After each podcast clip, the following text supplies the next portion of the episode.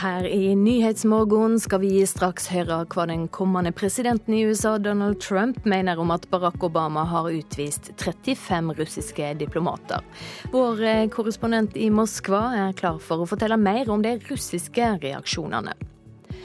Flere enn noen gang blir sendt ut fra Norge. Vi har møtt en av familiene som fikk ei litt annerledes jul enn de hadde regna med. Og folk i en rekke europeiske land har den siste tida markert sin misnøye både med det politiske systemet og med de tradisjonelle partiene. Vi har invitert flere gjester som skal prøve å forklare oss hva det er som skjer i europeisk politikk. Riktig god morgen i studio denne fredagen, Silje Sande. Det er på tide for USA å komme seg videre. Det sier Donald Trump etter at avtroppende president Barack Obama i går altså utviste 35 russiske diplomater. Trump sa også at han vil møte lederne for amerikansk etterretning neste uke for å høre mer om de påståtte russiske dataangrepene mot den amerikanske valgkampen. USAs påtroppende president har tidligere i denne måneden sagt at han ikke tror på etterretningsrapportene om at Russland står bak hackingen av Det demokratiske partiets servere. Dette er de samme folkene som sa at Saddam Hussein hadde masseødeleggelsesvåpen, var Donald Trumps holdning. I en kort skriftlig kommentar til president Obamas straffetiltak overfor Russland sa Trump i går at det er på tide for vårt land å komme seg videre til større og viktigere ting. Som svar på et spørsmål om mulige sanksjoner før det ble kjent hva Obama ville komme med, svarte Trump litt annerledes.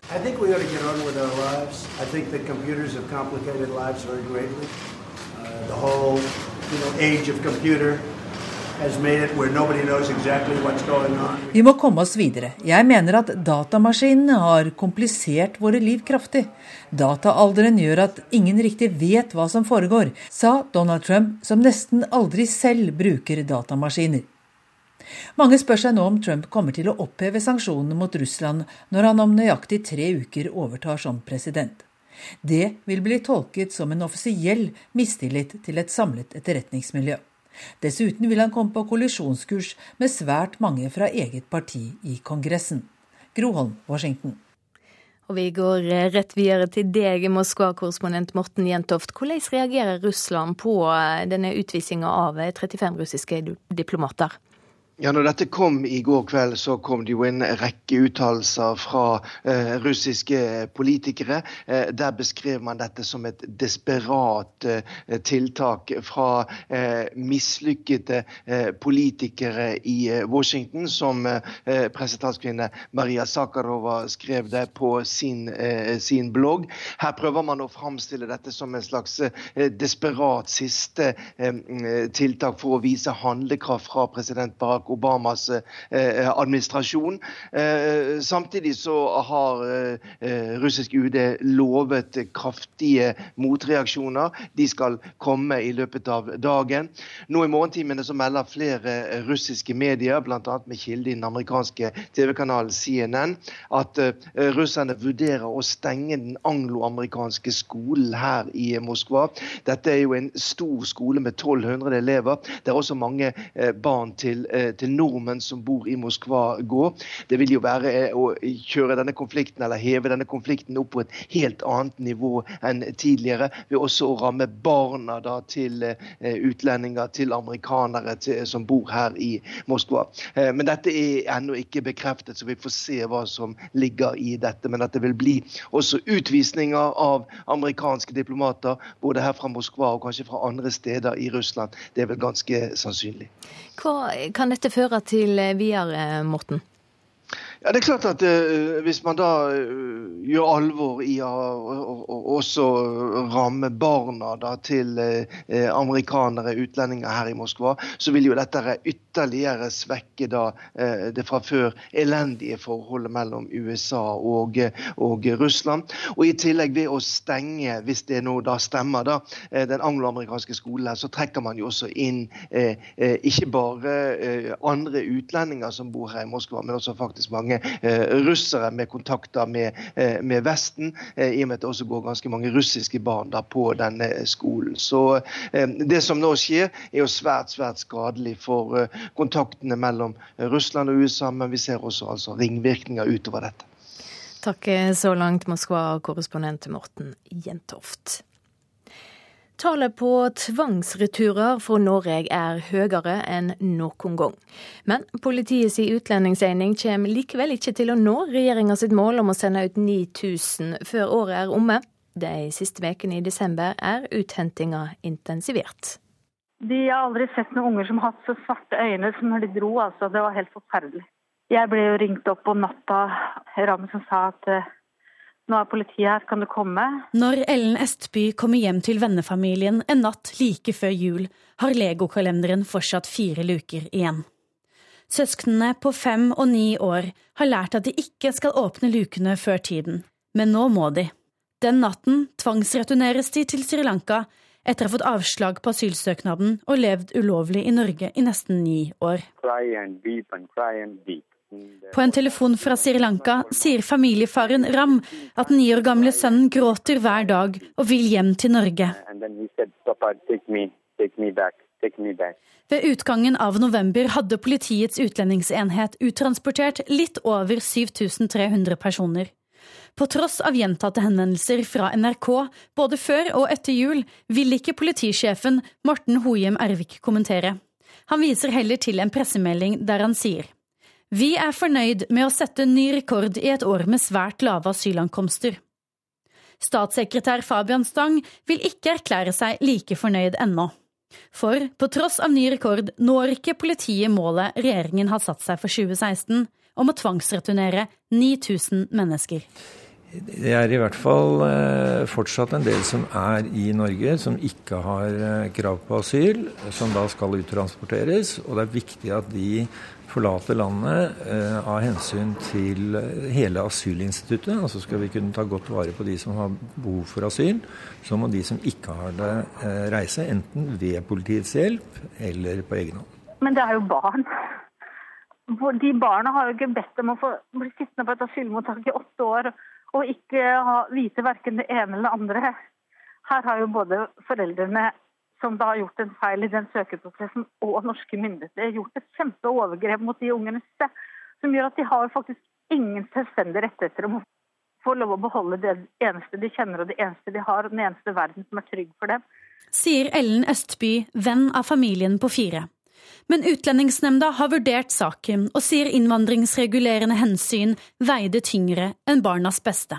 I alle asylsaker vurderer vi om personen har et beskyttelsesbehov. I denne konkrete saken mente vi at det var trygt for familien å returnere til hjemlandet. Det sa til slutt Kristin McPherson, fungerende seksjonssjef i UNES asylavdeling. Reporter Sunniva Skjeggestad. Klokka er 7.11. Du hører på Nyhetsmorgen.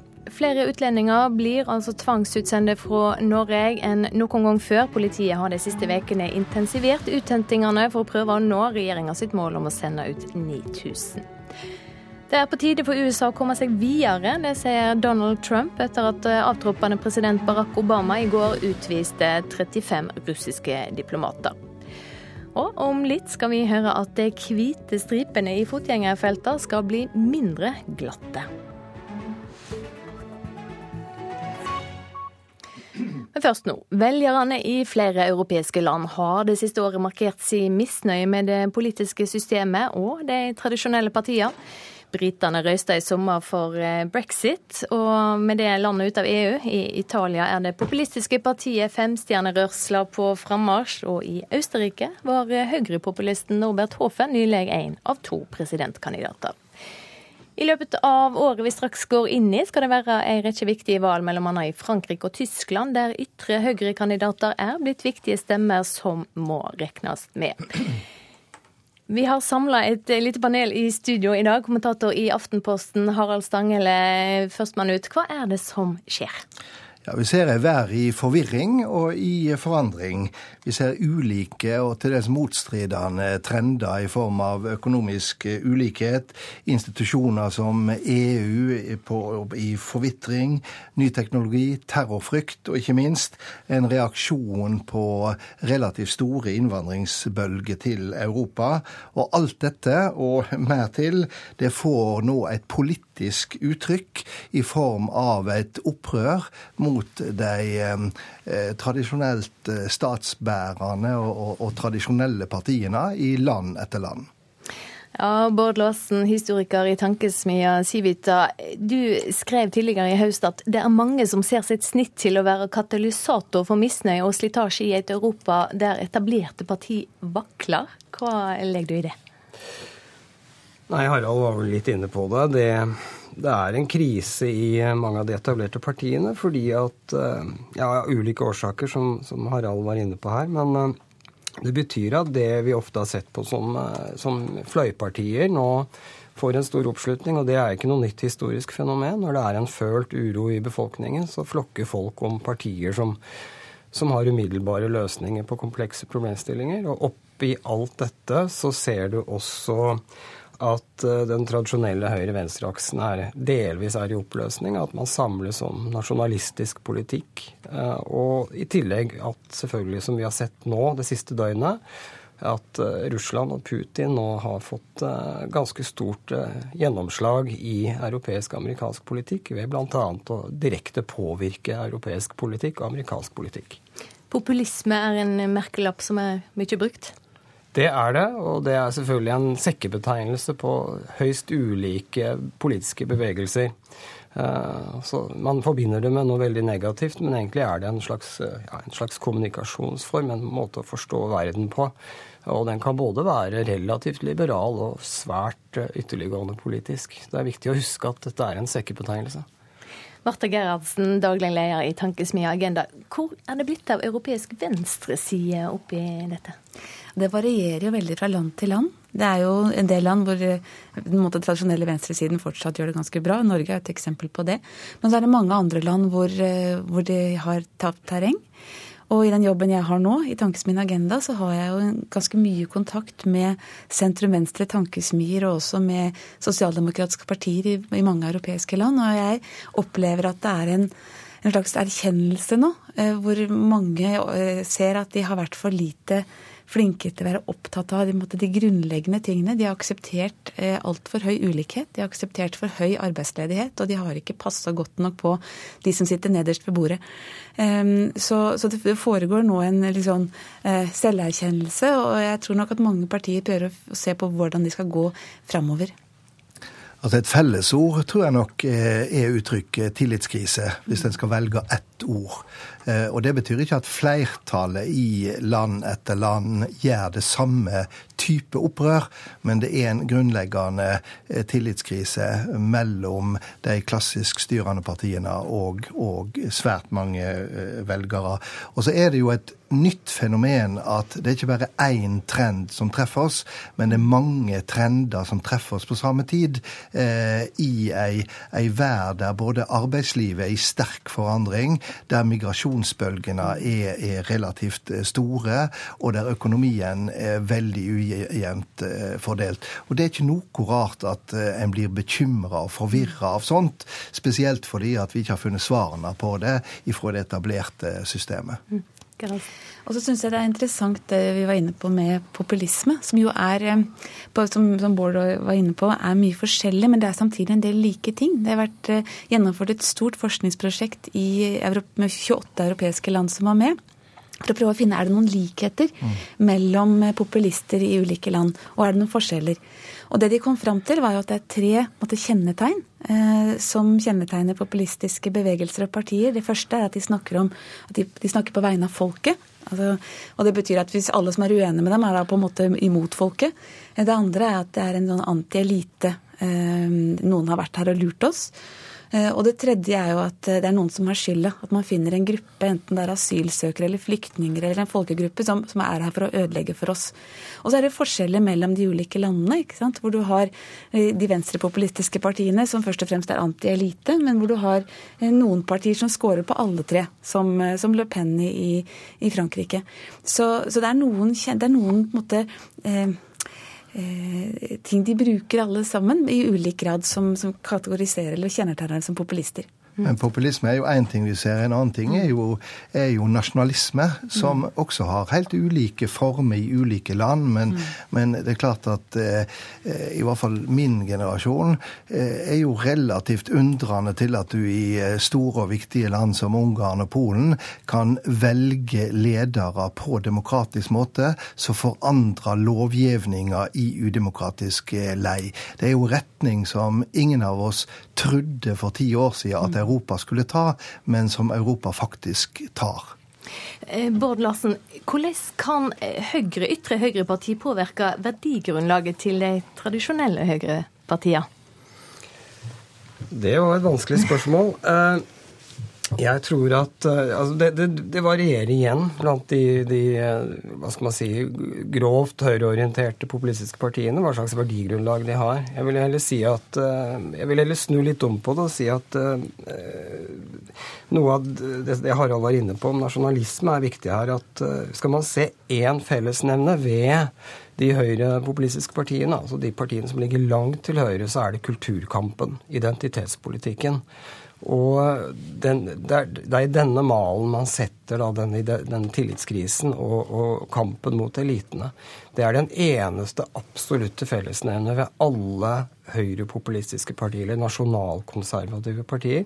Det er kulturkampen. Der ligger to ting. Det ligger en massiv motstand mot, mot pluralisme, mot, uh, mot flerkultur. Uh, og det kan man kanskje også etter hvert begynne å forstå grunnlaget for.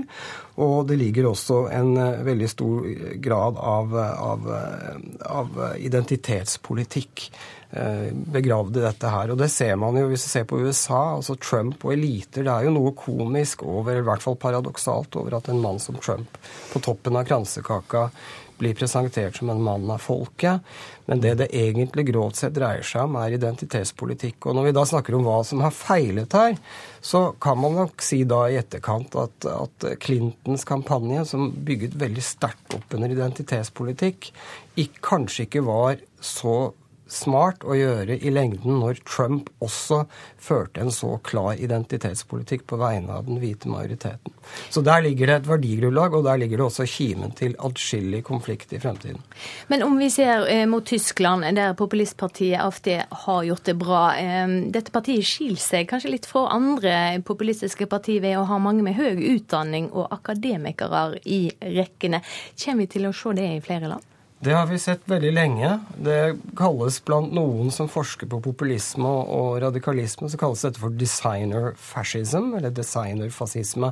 Det betyr ikke at disse partiene er fascistiske, men at man har gått et langt steg fra f.eks. Jean-Marie Le Pen til Marine Le Pen.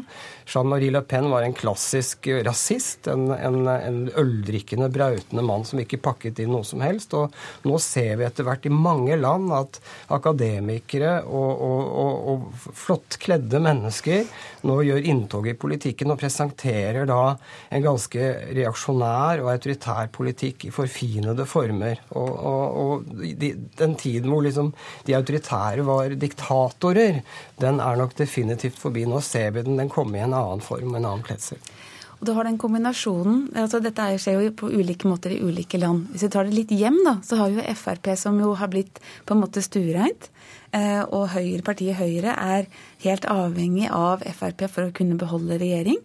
Eh, og nå ser vi gjennom de siste, særlig de siste to årene at Frp har dratt på en måte populistmedkortet mye lenger enn enn kanskje vi forventet når de gikk inn i regjering, og hvordan det er med å påvirke også hvordan partiet Høyre uttrykker seg. Det siste eksempelet var jo nå eh, kulturminister Helle Helleland som hadde en, en, en blogg som, hun, som, kunne ha vært Sylvi Listhaug sin.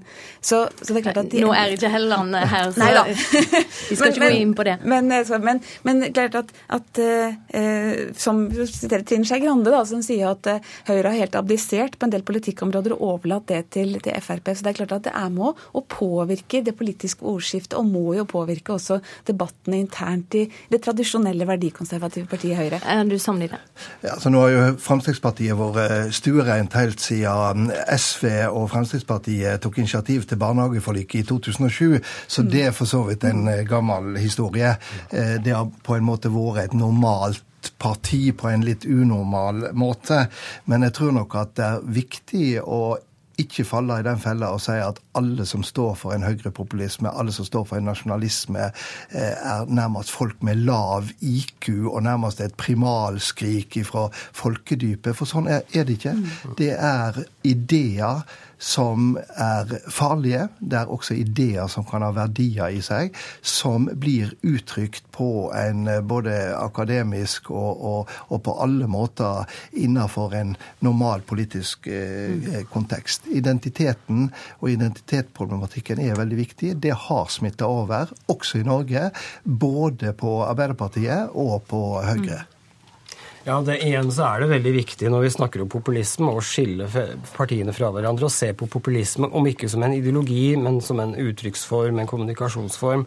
Og da må vi skille mellom parti... Se på et land som Belgia, hvor du har det største partiet, Ny flamsk allianse, som er et verdikonservativt, populistisk parti. Det er ikke sammenlignbart på noen som helst måte med F.eks. Flams Belang, som er et høyradikalt parti. Og det samme er det med Fremskrittspartiet og Sverigedemokraterna, som for så vidt kan ha en slags eh, retorikk som er høyrepopulistisk, men du må se på det politiske programmet. Og hvis du sammenligner da Fremskrittspartiet med Sverigedemokraterna og leser deres program og deres egentlige politikk, så er dette allikevel to ganske ulike verdener. Og det er fryktelig viktig å ikke bruke det som skjer nå, som hoggestabbe for egne politiske preferanser men være ærlig og se hva er den praktiske politikken. Hvis ikke så vil vi ha en konflikt langt, langt, langt fram i, i, tid. Det har du helt rett i, men det der en virkelig har sett det på spissen, det var det som skjedde i Østerrike, der de to store partiene av det kristelig-demokratiske, altså konservative, og sosialdemokratene, som har veksla mellom å ha presidenten i alle år, ingen av de nådde fram. Det gjorde De Grønnes kandidat, og det gjorde en eh, høyreradikal eh, kandidat. Men la oss avslutte med det. Hvordan takler de etablerte partiene at små og kanskje litt irriterende partier ser ut til å få makt? Ja, Til nå har de hatt veldig store problemer med å identifisere hvordan de skulle takle de. Eh, alt ifra å prøve å ta de inn i varmen til å avvise de. Enkelte av disse eh, partiene, eh, sånn som vi snakker om i, i, i Polen og Ungarn, er jo også nå kommet i regjering og styrer landet. I veldig mange land så handler det om at de etablerte partiene ikke har hatt gode nok svar på folks eh, problemer og utfordringer. Så det viktigste er jo faktisk å møte økende ulikhet, nedkjempe arbeidsledighet og ta tak i de reelle problemstillingene.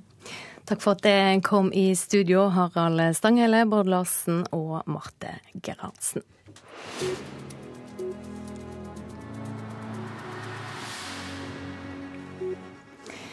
Vi skal over til noe helt annet. De hvite stripene i fotgjengerfeltene er for glatte. Det skal Vegvesenet nå gjøre noe med. Det er spesielt når det er isete føre at de hvite stripene blir glatte å gå på. Ja, jeg gikk med et par kompiser fra skolen her, nå. da var det litt sånn smågliding og sånn, så da snakka om det på vei til skolen i dag. Så var det jo et par-tre ganger du holdt på å gå skikkelig på snørra, liksom. så... Det er en dag med underkjølt regn i Oslo. En enkel test viser tydelig at skoen får langt bedre feste på asfalten enn på de hvite stripene i gangfeltet, der vi altså skal krysse gata. Flere fotgjengere er oppgitt over at det er slik. Ja, jeg vet veldig godt at de der hvite eh, gangfeltene er eh, ofte veldig glatte. Og jeg har eh, glidd og falt Eh, det er tross alt noen år siden, men jeg er veldig forsiktig når jeg går, og trår helst ikke på det hvite. Men de hvite stripene skal ifølge Vegdirektoratet ha minst like god friksjon som asfalten ved siden av. Kilder i fagmiljøet sier til NRK at det i praksis ikke er sånn, særlig under krevende værforhold. Og én grunn til at de hvite stripene blir glattere, er at de strøs med glassperler på toppen for at de skal bli mer synlige for bilister. Senioringeniør i Vegdirektoratet Bjørn Skaar er klar over problemet. Jeg tror vi må ta den eh, meldingen inn over oss og, og eh, i hvert fall akseptere at det er tilfellet noen ganger. Men eh, sett ut fra de kravene Statens vegvesen jobber med, så aksepteres det ikke noe dårligere friksjonsegenskaper på veioppmerkingen enn det gjør på veidekket. Så det er en problemstilling som har noe med å følge opp de tekniske kravene som ligger til grunn her. Det blir heller ikke kontrollert at de hvite stripene legges riktig, slik at friksjonskravet holdes. Men nå vurderer Vegdirektoratet uansett å droppe hele glassbelegget, som bidrar til å gjøre gangfeltene ekstra glatte. I og med at vi vet at gangfeltene ofte ligger i opplyste byområder, så kan vi kanskje fjerne kravet til refleksegenskaper på linjene, da de blir opplyst av av veibelysningen. Og hvis man tar bort den operasjonen med dette overskuddsglasset, så vil man faktisk fra dag én oppleve å ha en sikrere kontroll med friksjon på, på disse linjene. På legevakta i Oslo kommer det daglig inn fotgjengere som har sklidd på glatta og skadet seg. Seksjonsoverlege Knut Melhus er selv oppmerksom på de sleipe fotgjengerfeltene. Ja da, Altså er, jeg har jo eh, en personlig erfaring med dette. Jeg går og sykler gjennom byen eh, hele året og har jo også observert dette at det er av og til ekstremt glatt også i disse fotgjengerfeltene. Det bør absolutt gjøres noe med. Altså det kan det jo ikke være noe tvil om. Man er jo der man tvinges til å gå, så der burde det egentlig være mest farbart. Reporter her Lars Håkon Pedersen. Hun blir kalla Twitter-jenta. I reportasjen etter Dagsnytt om vel ti minutter skal vi høre om sju år gamle barna som sender ut dramatiske meldinger til hele verden om situasjonen i den syriske byen Aleppo. Produsent for Nyhetsmorgen i dag er Vidar Eidhammer. Her i studio Silje Sande.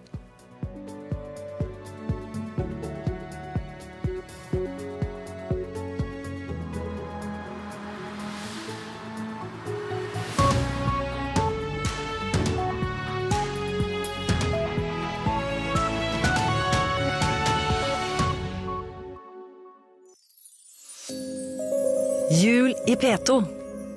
Som barn var jeg en mannshatende liten knott. Jeg likte rett og slett ikke menn.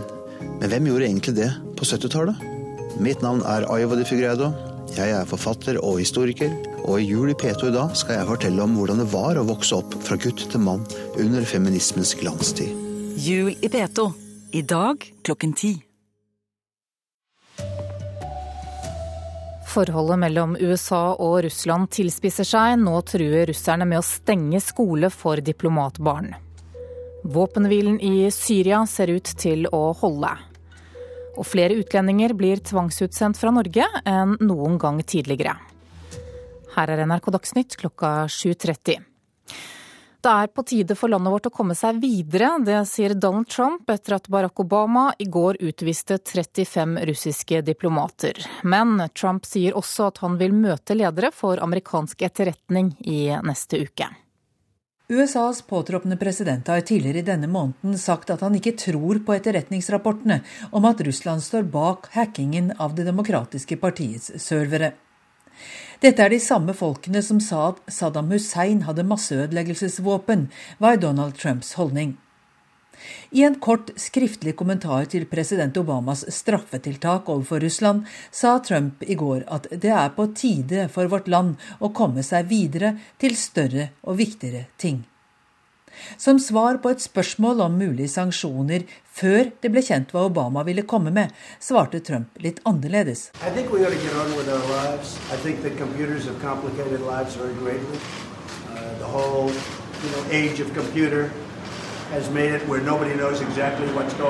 Vi må komme oss videre. Jeg mener at datamaskinene har komplisert våre liv kraftig. Dataalderen gjør at ingen riktig vet hva som foregår, sa Donald Trump, som nesten aldri selv bruker datamaskiner. Mange spør seg nå om Trump kommer til å oppheve sanksjonene mot Russland når han om nøyaktig tre uker overtar som president. Det vil bli tolket som en offisiell mistillit til et samlet etterretningsmiljø. Dessuten vil han komme på kollisjonskurs med svært mange fra eget parti i Kongressen. Groholm, Washington. Nå kommer det reaksjoner Russland, utvis, fra Russland på utvisningen av de russiske diplomatene. Moskva-korrespondent Morten Jentoft, eh, nå på morgenen så vurderer altså russiske myndigheter å stenge en skole for barn av diplomater. Hvilke konsekvenser kan det få? Ja, eh, Vi må bare understreke at dette er da foreløpig ubekreftede meldinger som da ble gjengitt i flere russiske medier på morgensiden her, med kilde i den amerikanske TV-kanalen CNN. Men det dreier seg altså om den angloamerikanske skolen her i Moskva. Dette er en stor skole med 1200 elever, der det også går barn eh, fra norske familier som bor i eh, Moskva. Og Det vil jo være en dramatisk opptrapping av denne konflikten mellom USA og Russland, at man også involverer barna, da, som i utgangspunktet er en helt uskyldig part i akkurat det som skjer. Og I tillegg til det så snakkes det om det også her å stenge noen sånne feriehjem som, som, som den amerikanske ambassaden har her i Moskva. Men eh, eh pressetalskvinne i det eh, russiske utenriksdepartementet, Maria Sakharova, hun sier det at en offisiell erklæring om eh, de russiske mottiltakene den vil komme i løpet av fredagen. Og eh, russiske medier sier at det kan skje i løpet av de nærmeste timene. Ja, vet vi noe om eh, hva som kan komme da? Da vil det jo helt sikkert komme eh, svar på eh, utvisningene. At man vil eh, gjengjelde med samme mynt, altså utvise amerikanske diplomater her i Moskva. Men også kanskje ved andre eh, amerikanske eh, diplomatiske representasjoner i Russland, St. Petersburg, Vladivostok har det vært snakket om. Men eh, det må vi altså bare vente da, til, til, det kommer en offisiell uttalelse fra det russiske utenriksdepartementet. Takk skal du ha så langt, Moskva-korrespondent Morten Jentoft. Skal videre til Syria nå. Der ser det ut til at våpenhvilen holder i de fleste delene av landet. Avtalen om en våpenhvile ble fremforhandlet av Russland og Tyrkia, og trådte i kraft fra midnatt. Utenriksmedarbeider Eivind Molde, det kommer også meldinger om at det har vært enkelte brudd på denne avtalen i natt. Hva vet du om det? Det har eh, vært kamper mellom opprørere og eh, regjeringsstyrker i Hama-provinsen, ifølge eksilgruppa Syrian Observatory for Human Rights. Men eh, det skal ikke være omfattende kamper der.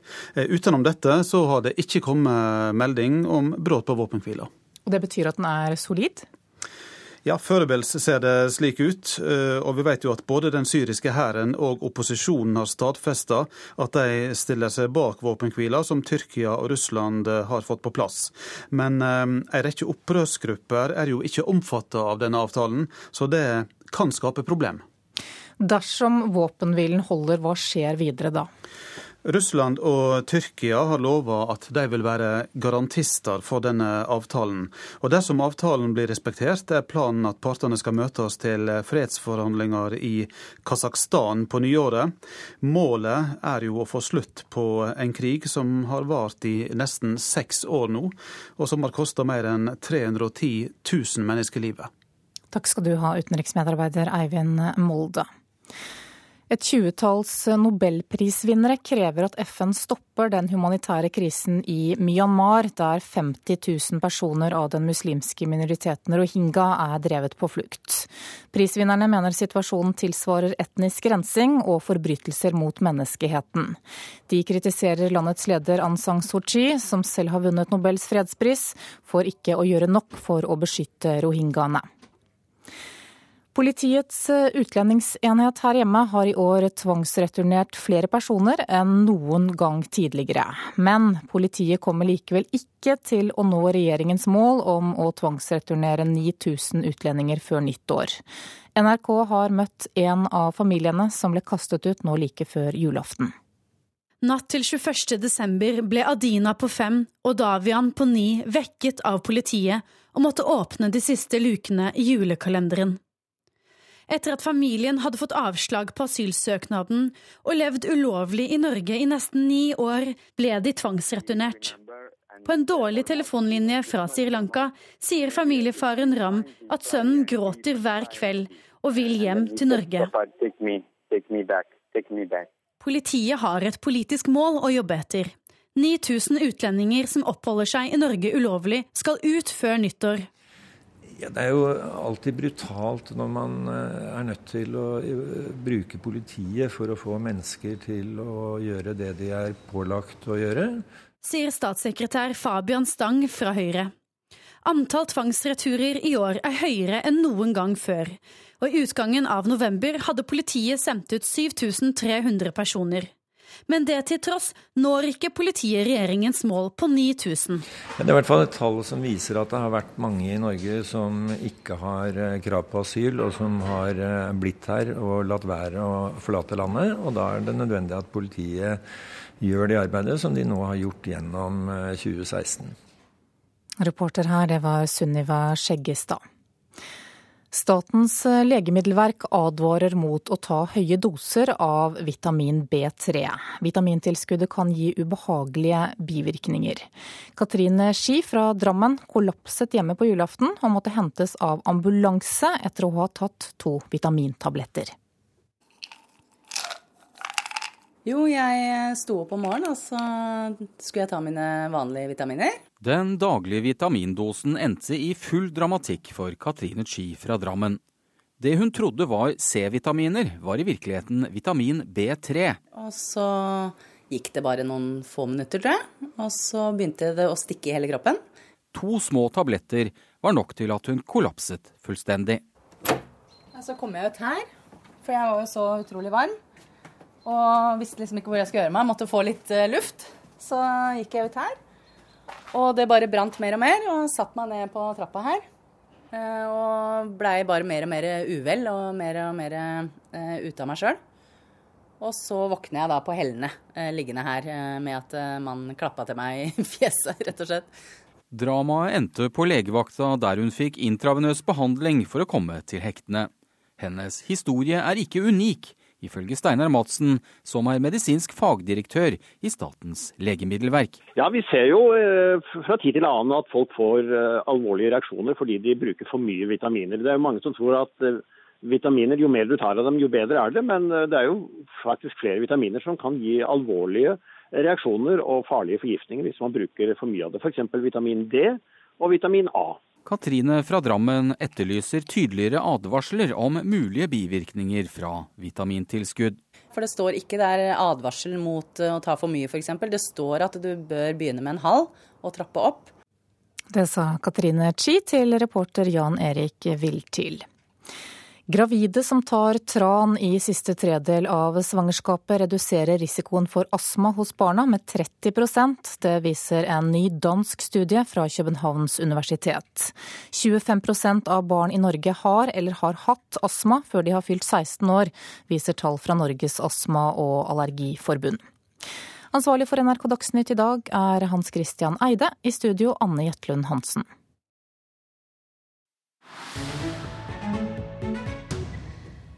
Sju år gamle barna Alabed fra den syriske byen Aleppo tvitrer til hele verden, men mange trodde hun var en bløff, helt til hun ble evakuert og landa på fanget til Tyrkias president Erdogan. Nå er hun blitt reklamestjerna hans, og de dramatiske Twitter-meldingene var ekte. 8. oktober. Å kjære gud, elleve bomber på 15 minutter. Sju år gamle Bana Alabed skriver på Twitter fra Øst-Aleppo. Ut av vinduet ser hun ruiner og knuste hus. 8. oktober. Selv kattene rømmer fra bombene. 360 000 mennesker har fulgt denne samtidens Anne Frank på Twitter.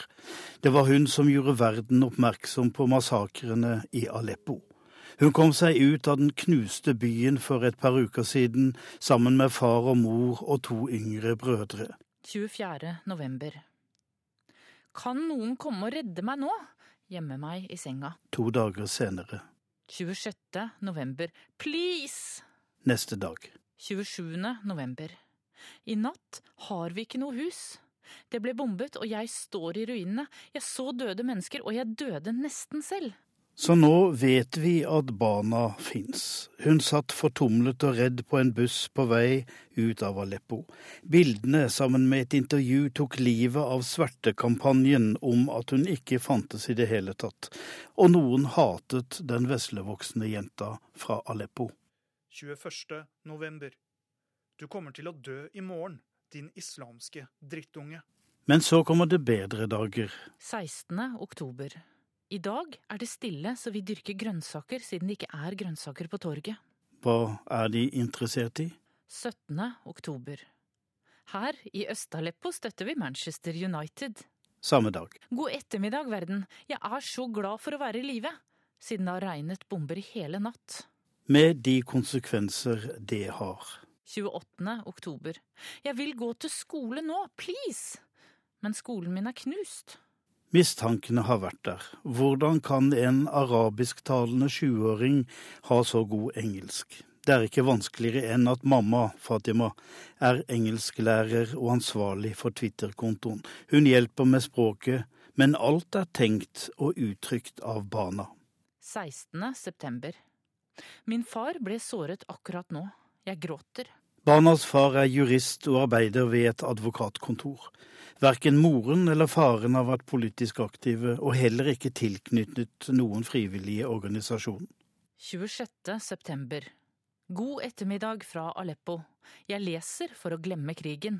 Nettilgangen i Aleppo har vært sviktende, det samme har strømforsyningen. Men ved hjelp av solcellepaneler har de greid å fyre opp PC-en til mor. Bana al-Abeds verdensvide enlinjes fortellinger om krigens gru og konsekvenser kan stundom bli litteratur. Og i intervjuer hører vi en sju år gammel retoriker.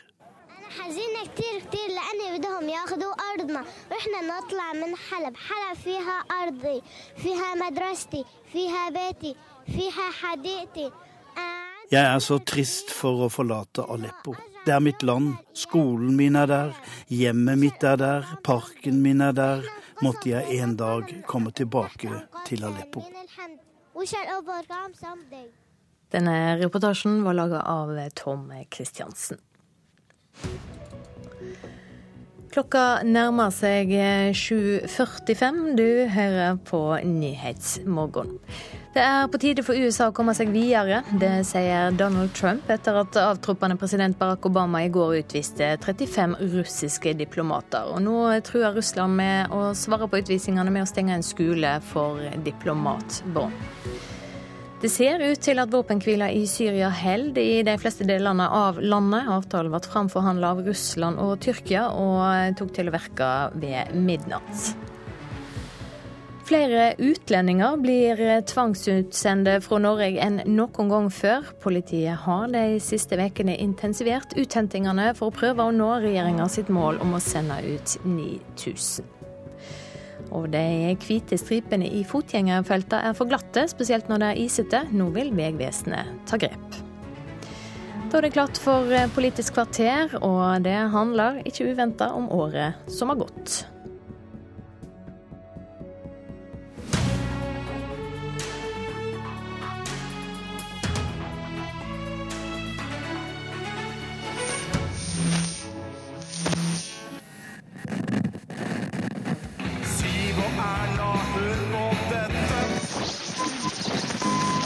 Jeg og han Fabian tatt initiativ til en innsamlingsaksjon til noe som jeg mener er mye viktigere. Vi leter etter lydsporet til 2016.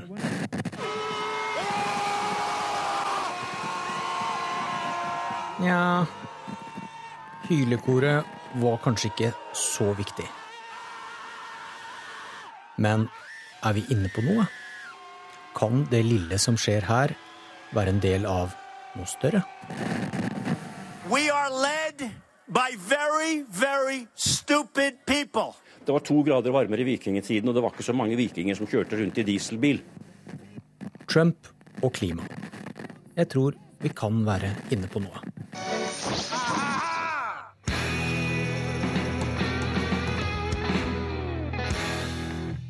I am going to be the greatest jobs president that God ever created. Remember that. Fins det slike folk i Norge? Ja, det gjør det. Det er bare å se deg rundt regjeringsbordet, Bent Høie. Der sitter de, de som benekter klimakrisa, de som snakker om innvandrere som farlige, de som eh, skaper konflikter mellom oss og dem, og som snakker ned muslimer. Det er jo lettere å finne, det, ja, men det er lettere å finne vulgære sitat fra Frp-ere enn fra Donald Trump. Det er dem som snakker om eh, at Al Gore er en bløffmaker. Det er dem som snakker om å sette fotlenke på asylsøkere. Dette er Per Sandberg, Sylvi Listhaug, folk som du sitter i regjering med, Bent Høie. Frp, er... Frp røffere retorikken enn Trump?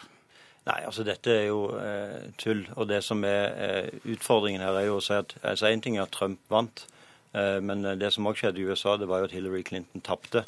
Eh, og En av årsakene til at Hillary Clinton tapte, var jo nettopp hennes eh, eh, arroganse mot den type bekymringer og frykt som er i befolkningen. Og det er kanskje noe av den arrogansen som òg opplever her fra, fra Trond Giske. Det eliten i Arbeiderpartiet gjør, er å pisse på vanlige slitere, for så å klage på at de lukter vondt. Og jeg lurer på, hvem er eliten i Arbeiderpartiet? Hva mener du med det? Jeg mener det at vi har hatt en meningsbærende elite i Norge i mange år, som har fått definere hva som er det gode, og definert andre som liksom onde og litt sånn ned, altså, dårlige folk. Som har fått lov til å uh, egentlig definere hva som er politisk korrekt, og hva som ikke er lov til å si. Og nå ser vi at Den siste hersketeknikken på den fronten er jo at hvis du har tydelig tale, du kaller en spade for en spade, så er du trømsk. Særlig når du er statsråd i et regjeringsparti. En stort nærmere en elite er det ikke mulig å komme. Det jeg opplever er en, en, et, en, historisk grense som er blitt krysset for hva en statsråd kan tillate seg å gjøre.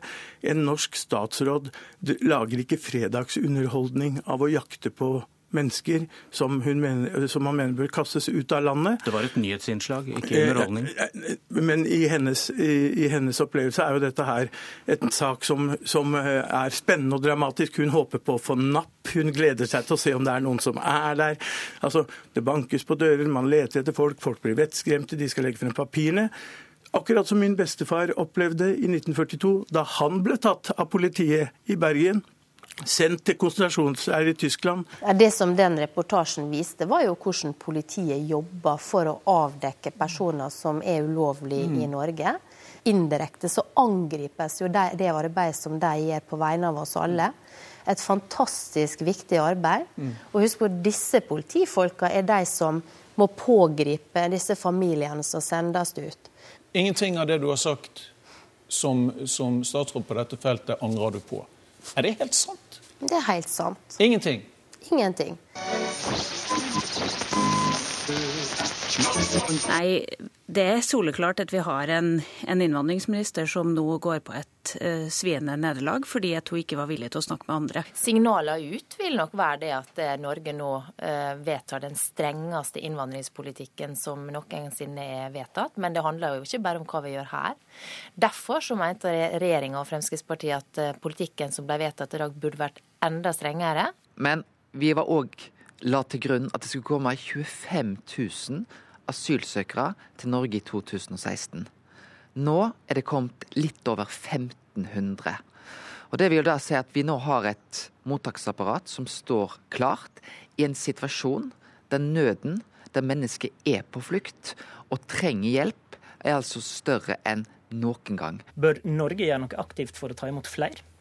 Ja, nå har vel vi tatt imot den uh, andelen vi var tiltenkt i den brøken som uh, Europa har laget. Men du tar ikke til orde for at vi skal gjøre noe aktivt for å uh, Det må skje på europeisk nivå. Ja, det er et mål at Norge skal være blant de strengeste. Så vi skal ha strenge, rettferdige regler? For i Norge så må vi se hverandre. Det skal være forbud mot, nasjonalt forbud mot bruk av nikab og heldekkende plagg i utdanning. Hva er egentlig forskjellen på Arbeiderpartiet og Frp i regjering?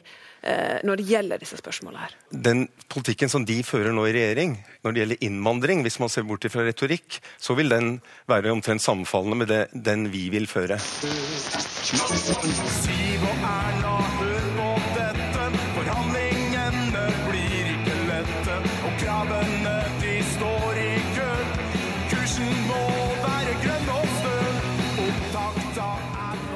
Venstre-lederen nesten på gråten over budsjettforhandlingen. Erna Solberg gikk rundt juletreet.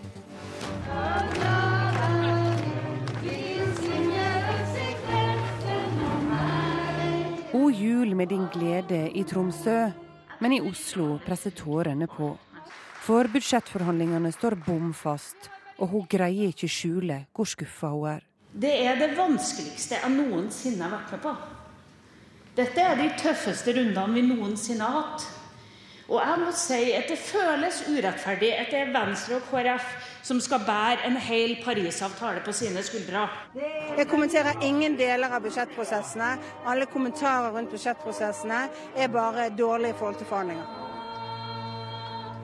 Venstre brøt altså budsjettforhandlingene i ettermiddag, bare dager før Stortinget skal behandle det. Venstre-leder Trine Skei Grande legger ikke skjul på at ultimatumet regjeringen satte om den såkalte bilpakken var sentral for avgjørelsen. Jeg opplever at, at regjeringa har vært så opptatt av å hegne om ultimatumet sitt at kreativiteten rundt har stoppa. Det er et landsstyre som uh, syns det er leit at uh, Venstre nå har valgt å bryte forhandlingene. Ok, Da står vi da KrF akkurat avslutta sitt ekstraordinære gruppemøte med landsstyret på telefon, og vi ser partileder Knut Arild Hareide i bildet. Han er klar til å offentliggjøre konklusjonen. Regjeringen har altså valgt å stille ultimatum. De har valgt å stille ultimatum om et spørsmål vi har forhandla om i nesten ett år, og som vi hadde en avtale om ved forrige års budsjett. Jeg mener at en mindretallsregjering verken bør eller kan opptre på den måten. Men KrF ser ikke muligheten nå til å gå videre. Nå er utspillet opp til regjeringa. Statsministeren gir seg ikke. I ettermiddag innkalte hun lederne i KrF og Venstre igjen til møte. Og det har vært flere møter, Cato Husabø Fossen. Ja, rett etter at Knut Arild Hareide og Trine Skei Grande dro herfra statsministerboligen for en drøy time siden, så ankom en rekke Høyre- og Frp-topper, de parlamentariske lederne, de finanspolitiske talspersonene og flere rådgivere. Og de gikk inn i statsministerboligen, var der i 20-30 minutter, så kom de ut igjen og insisterte på at alt som hadde skjedd, var at de hadde fått, fått ei Det vi skal presentere i dag, er en budsjettavtale mellom Høyre, Fremskrittspartiet, Kristelig Folkeparti og Venstre. Det er en budsjettavtale som vil sikre flere jobber, bedre velferd og betydelige kutt i norske klimagassutslipp. Men jeg har altså aldri gitt opp. Man må gi og ta for å få plass en enighet, og det har alle gjort i denne prosessen. Skal jeg gå litt lenger inn? Ja, yes. gjør Um, puh, sier jeg da. eh, Norge, står, Norge og verden står foran den største utfordringa på veldig mange generasjoner i kampen mot global oppvarming. Det har det, vi har hele tida sagt gjennom hele prosessen, for alle dere i salen her og for dem hjemme òg, at det å få ned kutt i klimagassutslipp, sånn at vi er på vei til Paris, er den viktigste oppgaven i dette budsjettet. Den avtalen vi nå legger fram, den gjør det. Da er replikkordskiftet omme, og vi går videre på talerlisten. Neste taler er statsminister Erna Solberg. President, jeg er i dag glad for at vi har en avtale om et budsjett. Nå har jeg hørt diskusjonen om eh, hvorvidt dette var like tungt og vanskelig som det å føde. Jeg vil si at jeg har født to ganger. Jeg har hatt lange fødsler. Og det er verre å føde enn å lage budsjett. Det åpnes for replikkordskifte. Første replikant er Jonas Gahr Støre. Og nå vet jeg at statsministeren har mer erfaring med fødsler enn meg. Jeg har bare vært vitne til tre. Men hvis vi overfører det på statsbudsjettet, så føler jeg at uh, fremfor å bli tatt med tvang, så ble det et keisersnitt på lørdag. Uh, og budsjettet er her uh, for oss. Det er også et budsjett som kommer til etter at det er stilt ultimatum til Stortinget, som lederen av finanskomiteen kaller som svært lite klok fremgangsmåte. Det sier vel også sitt om det. Neste replikant er Knut Arild Hareide. Gode president. Jeg har vært vitne til to fødsler. Og jeg skal vel være så ærlig å si at det var mer behagelig enn disse budsjettforhandlingene.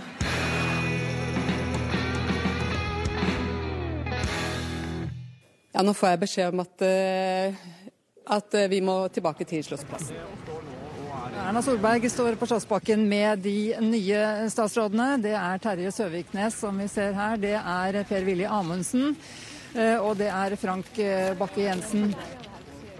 I dag så tar statsministeren i regjeringa et godt steg til høyre, bort ifra oss. Og Det er klart at hennes drøm om en firepartiregjering den blir ikke nærmere av dagen i, i dag. Nå er det da to statsråder i ett departement som eh, blir begge to er klimafornektere. Eh, og begge to har en retorikk som ikke akkurat vi oppfatter som inkluderende. Så jeg er jo spent på hva statsministeren har satt for noe krav til dem. Så jeg er enig i det Trine Skei Grande realiteten her sier. Jeg tror for et objektivt synspunkt så oppleves ikke de endringene som nå skjer, som en invitasjon til sentrum. Um, kanskje snarere tvert imot. Denne regjeringen flytter seg ikke politisk pga. regjeringsutnevnelser av nye statsråder. Det politiske grunnlaget for denne regjeringen bygger på to ting. Det ene er Sundvolden-erklæringen, og det andre er samarbeidsavtalen. Men du selv det er noe som hefter ved de to nye statsrådene fra, fra tidligere? Det er jo ingen tvil om at uh, det er noen saker som statsråder kan ha opplevd, altså personer som blir statsråder har opplevd tidligere. Og Terje Søviknes har vært åpen og ærlig på det som skjedde for 16 år siden. Uh, hvor, som altså resulterte i at politiet henla saken med beskjed om at det var ikke noe straffbart som hadde skjedd. Så det er en klar og tydelig frikjenning i den sammenhengen. Og Da må vi alltid stille oss det spørsmålet hvor lang tid skal det gå før folk etter en sånn sak måte kan delta fullt ut. Hvordan kan du begrunne at det er rom for klimaskeptikere eller det andre beskriver som klimafornektere i regjering? Det er slik at uh, Denne regjeringen bygger på en forsterking av klimaforliket. Denne regjeringen bygger på en, uh, at uh, klimaendringene er menneskeskapte. Og Det er det alle statsråder som går inn i denne regjeringen må forholde seg til. ja, altså Det er jo ikke justisministeren som skal svare for regjeringas klimapolitikk. Ok, Da kan jeg opplyse deg om at Polaravdelingen ligger Ja, under er Justisdepartementet. Ja. Vet du hvem som leder Polarutvalget, f.eks.? Jeg, jeg, selvfølgelig er det sånn at Hvem er det som leder eh, Polar- Polarutvalget? Polar, det har jeg faktisk ikke oversikt over. akkurat Det er du. Det er det, ja? Okay. Ja. ja. Det Du leder det- Det er en Polarutvalget. de, alle de tingene som jeg da kan, skal jeg, da kan jeg igjen opplyse deg om at du skal sørge for helheten i miljøsaker i polare strøk, som må samordnes mellom flere departement. Riktig. Syns du nå det er relevant å stille spørsmål om Klima til en justisminister? Jeg synes det var, var morsom, morsom spørsmålsformulering, eh, og jeg gikk selvfølgelig rett i fella. Jeg har, eh, ble utnevnt som statsråd for eh, under eh, et eh, halvt døgn siden. Eh, Eller litt over et halvt døgn siden.